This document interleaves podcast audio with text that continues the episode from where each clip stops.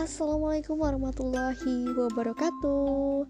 Balik lagi bersama aku teman-teman Duna Fitriani. Kali ini kita sudah masuk pada flowchart atau diagram aliran pada siklus penerimaan. Jadi diagram ini merupakan diagram yang terakhir pada siklus penerimaan ya teman-teman. Langsung saja Dona akan membacakan flowchart untuk siklus penerimaan Diagram aliran siklus penerimaan. Pada prosedur penjualan diawali dari bagian penjualan menerima purchase order dari pembeli, kemudian bagian penjualan akan menginput secara manual purchase order tersebut hingga dibuatkan dokumen sales order rangkap 3.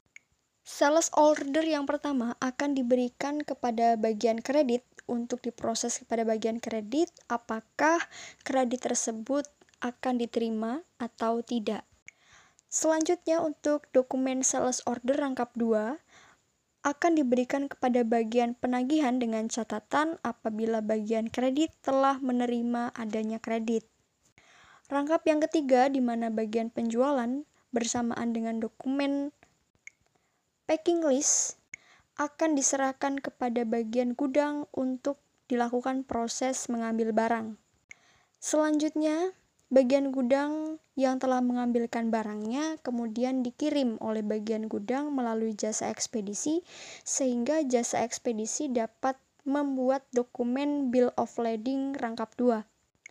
Untuk rangkap yang pertama akan dibuatkan arsip atau akan dapat menjadi arsip kepada jasa ekspedisi dengan diurutkan sesuai dengan alfabet atau huruf abjad dari nama-nama customer atau pelanggan. Kemudian rangkap kedua akan diberikan kepada pembeli. Setelah halnya barang yang dikirim bersamaan dengan dokumen bill of lading diterima oleh pembeli, kemudian bill of lading yang diterima dari pembeli akan diotorisasi Selanjutnya oleh jasa ekspedisi akan diberikan kepada bagian penagihan pada perusahaan. Berdasarkan dokumen bill of lading yang diterima di bagian penagihan, maka bagian penagihan akan membuatkan dokumen invoice rangkap 2. Untuk rangkap yang pertama akan diserahkan kepada bagian keuangan. Oleh bagian keuangan, invoice ini akan diurutkan berdasarkan tanggal. Kemudian bagian keuangan akan memberitahukan kepada halnya pembeli. Sebelumnya, pembeli juga akan diberikan invoice rangkap yang kedua dari bagian penagihan. Setelah pembeli menerima invoice dari bagian penagihan maupun juga pemberitahuan mengenai invoice dari bagian keuangan, pembeli dapat melakukan pembayaran.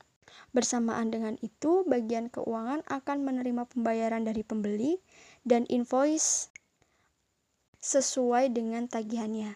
Prosedur penjualan selesai.